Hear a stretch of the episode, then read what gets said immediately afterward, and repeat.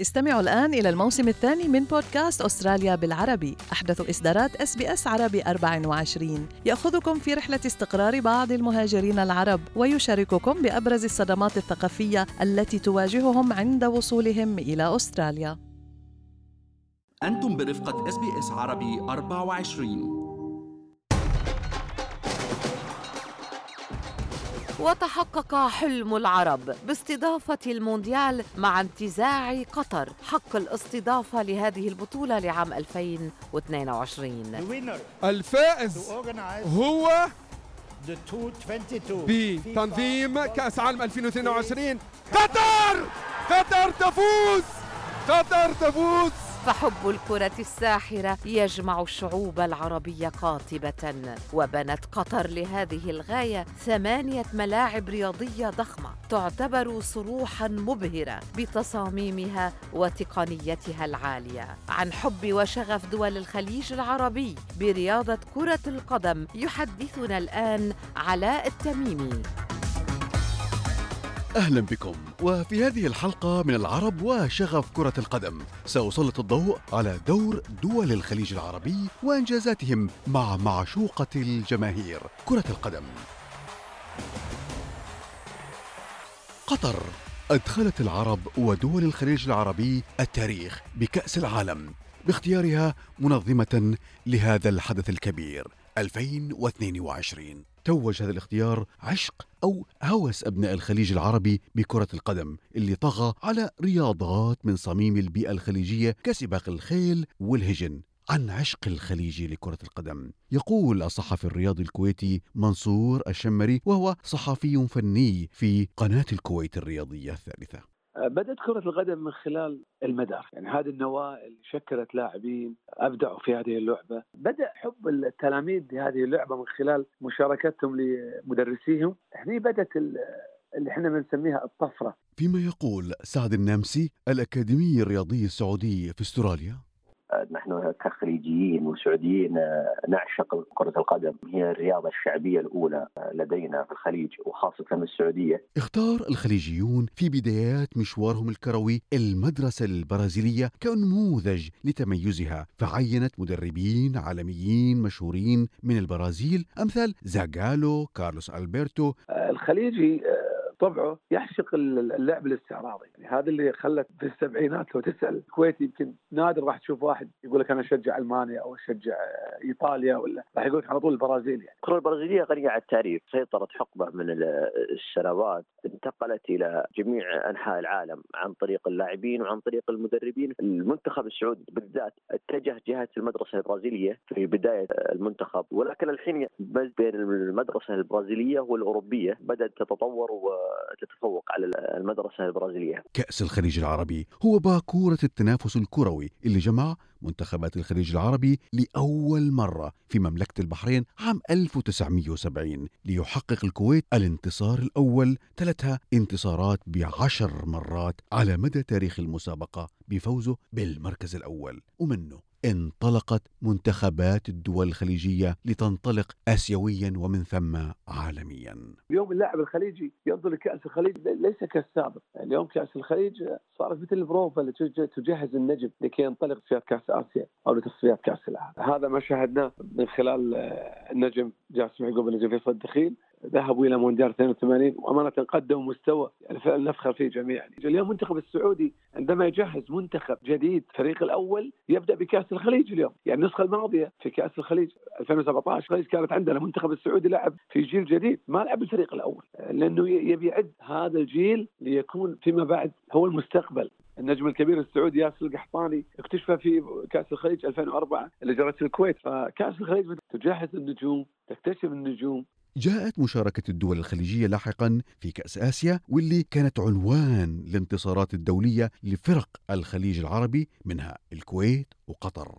لتأتي السعودية متفوقة بعدد مشاركاتها عبر المنتخب السعودي بعشر مرات ليحقق المركز الأول أول مرة بقيادة المدرب السعودي خليل الزياني في سنغافورة عام 1994 ولتنطلق عندها أغاني تمجد المنتخب السعودي.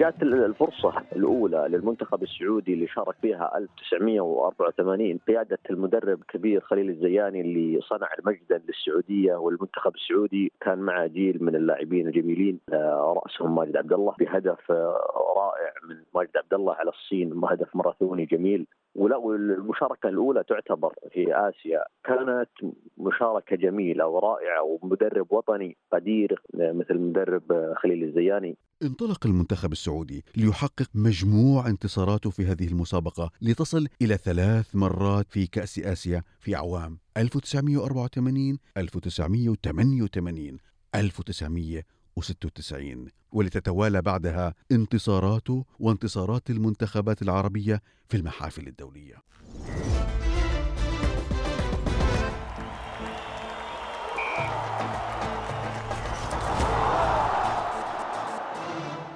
انتقلت دول الخليج تحلق لتشارك في كأس العالم بعد تطور الأدوات الكروية والاستثمار في أبنائها وتدريبهم عبر مدارس هامة لتلتحق بدول عربية وعالمية سبقتها وكان أول المنتخبات الخليجية وصولا لكأس العالم منتخب الكويت عام 1982 أعتقد هذا الجمهور اللي موجود اليوم في هذا الاستاد. أكو أحد يسمعني في الكويت؟ أعتقد كل الكويت اليوم في الاستاد. كل الكويت اليوم في الاستاد أيضا لكن الجمهور. لكن المنتخب السعودي حقق أعلى المشاركات خليجيا في كأس العالم بست مشاركات أولها كان عام 1994 فيما لا يزال السعوديون يتذكرون هدف اللاعب السعودي سعيد العويران في بلجيكا بطريقة فذة. تنقطع توصل لسعيد العويران وبيجري مع مدفيد ماشي سعيد ماشي سعيد ماشي كوره مع سعيد. بيحاول يعدي راح اثنين هيصلحها هيصلحها. هيشوف سعيد في الجول. هيشوف الجول جول جول جول. عام 94 كلنا نتذكر الهدف الجميل من سعيد العويران في كأس العالم أمام بلجيكا الهدف المارادوني أنا أسميه. هذيك المشاركة هي اللي صراحة صنعت المنتخب السعودي وشخصيته لدرجة أن العالم كله يشاهد المنتخب السعودي. ما هذا المنتخب الذي هزم بلجيكا هزم المغرب؟ مع المشاركات السعودية الفاعلة في كأس العالم بقيت دول الخليج الأخرى تحقق إنجازات إقليمية خليجية مثل منتخبات الإمارات والبحرين وسلطنة عمان إلى أن جاءت مشاركة قطر في كأس العالم الحالي بحكم التنظيم. واقتربت لحظات الاحتفال لدى الخليجيين والعرب بفرحتين الأولى عالمية بإقامة كأس العالم في ديار العرب وتحديدا في عاصمة قطر الدوحة والفرحة الثانية بمشاركة عربية واعدة في كأس العالم عام 2022 بأربعة فرق عربية ذات سمعة عالية. اثنان من شمال أفريقيا المغرب وتونس وفريقان خليجيان هما قطر الدولة المنظمة والسعودية المتأهلة عن آسيا وآمال العرب تتطلع للحظات الانتصار. طبعا أنا مشجع المنتخبين لا شك. كل المنتخبات العربية في المونديال. المنتخب السعودي من خلال ما شاهدته من تصفيات وتصدر المجموعة. اليوم اللي قاعد نشوفه تصفيات. المنتخب القطري قدم مستوى جميل في كل مباراة أنا شاهدتها في الكأس الذهبية. أمانة أنا متفائل جدا. اليوم اللاعب ينظر حتى لميسي لما يشاهد ميسي في الملعب ولا كريستيانو ينظر له هذا ند للند يعني أنت لاعب أنا لاعب. يعني. كلنا متفائلين كعرب في آه، منتخباتنا. تمنياتنا للمنتخب السعودي إن شاء الله بالتوفيق والقطري والتونسي والمغربي بإذن الله. أما على مستوى المنتخب السعودي المنتخب جاهز. وبإذن الله آه، نرى منتخب جميل. آه، صحيح إن معنا في المجموعة الأرجنتين وبولندا والمكسيك لكن بكلنا أمل وعشق وحب في هذا المنتخب. ولاعبينها ان يؤدوا مباريات جميلة ومشرفة بإذن الله. الخليجيون بكافة أطيافهم حضروا حقائبهم وطبولهم والأهازيج لتشجيع منتخباتهم في هذا الحدث الكبير. أما الخليجيون في أستراليا فينتظرون هذا العرس الخليجي والعربي ويترقبون بشغف آملين بتحقيق الإنجازات. يقول عبد العزيز النعيم طالب الدكتوراه في جامعة فيكتوريا في مدينة ملبورن عن كيف سيتابع مجريات مباريات المنتخب السعودي هنا في أستراليا؟ صراحة ودنا المنتخب السعودي أو طموحنا أن نكسر الريكورد حق المنتخب كأس العالم ال 94 اللي تاهلنا فيها للدور الثاني، الطموح إن شاء الله أكبر وأكبر أن نتجاوز دور المجموعات بإذن الله. إحنا المبتعثين في أستراليا شوي نعاني بسالفة التوقيت بين دول الخليج مع أستراليا لكن لعيون المنتخب إن شاء الله نخرب النوم شوي ونتابع المباريات بإذن الله.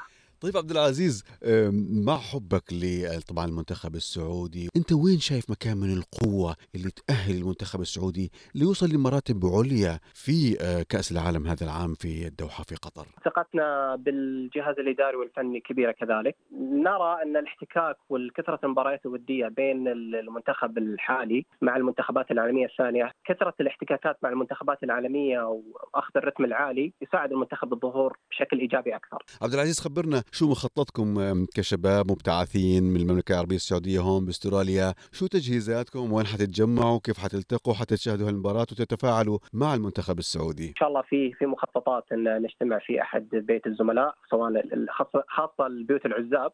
ونتابع المباريات سوا ونتمنى تكون يعني الأغلب مباريات المنتخب السعودي تكون في, في ال weekend تتوقع المنتخب السعودي يوصل للرتب النهائية في التصفيات؟ يعتمد على المباراة الأولى إذا خطفنا يعني نقطة ثمينة من المنتخب الأرجنتيني أعتقد إنه ممكن نوصل الدور الثاني بإذن الله.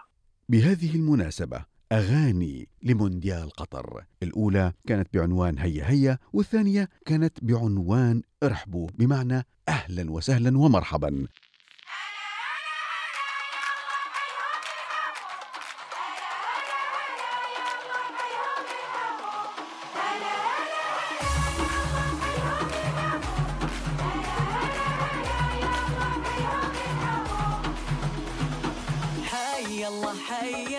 الرمش له فية. يا حي من جانا ويا زينها من جية. نمد لك يا ضيف فنجالنا على الكيف.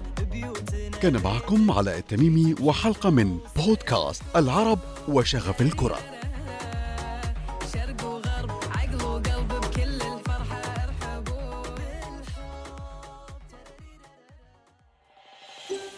هل تريدون الاستماع إلى المزيد من هذه القصص؟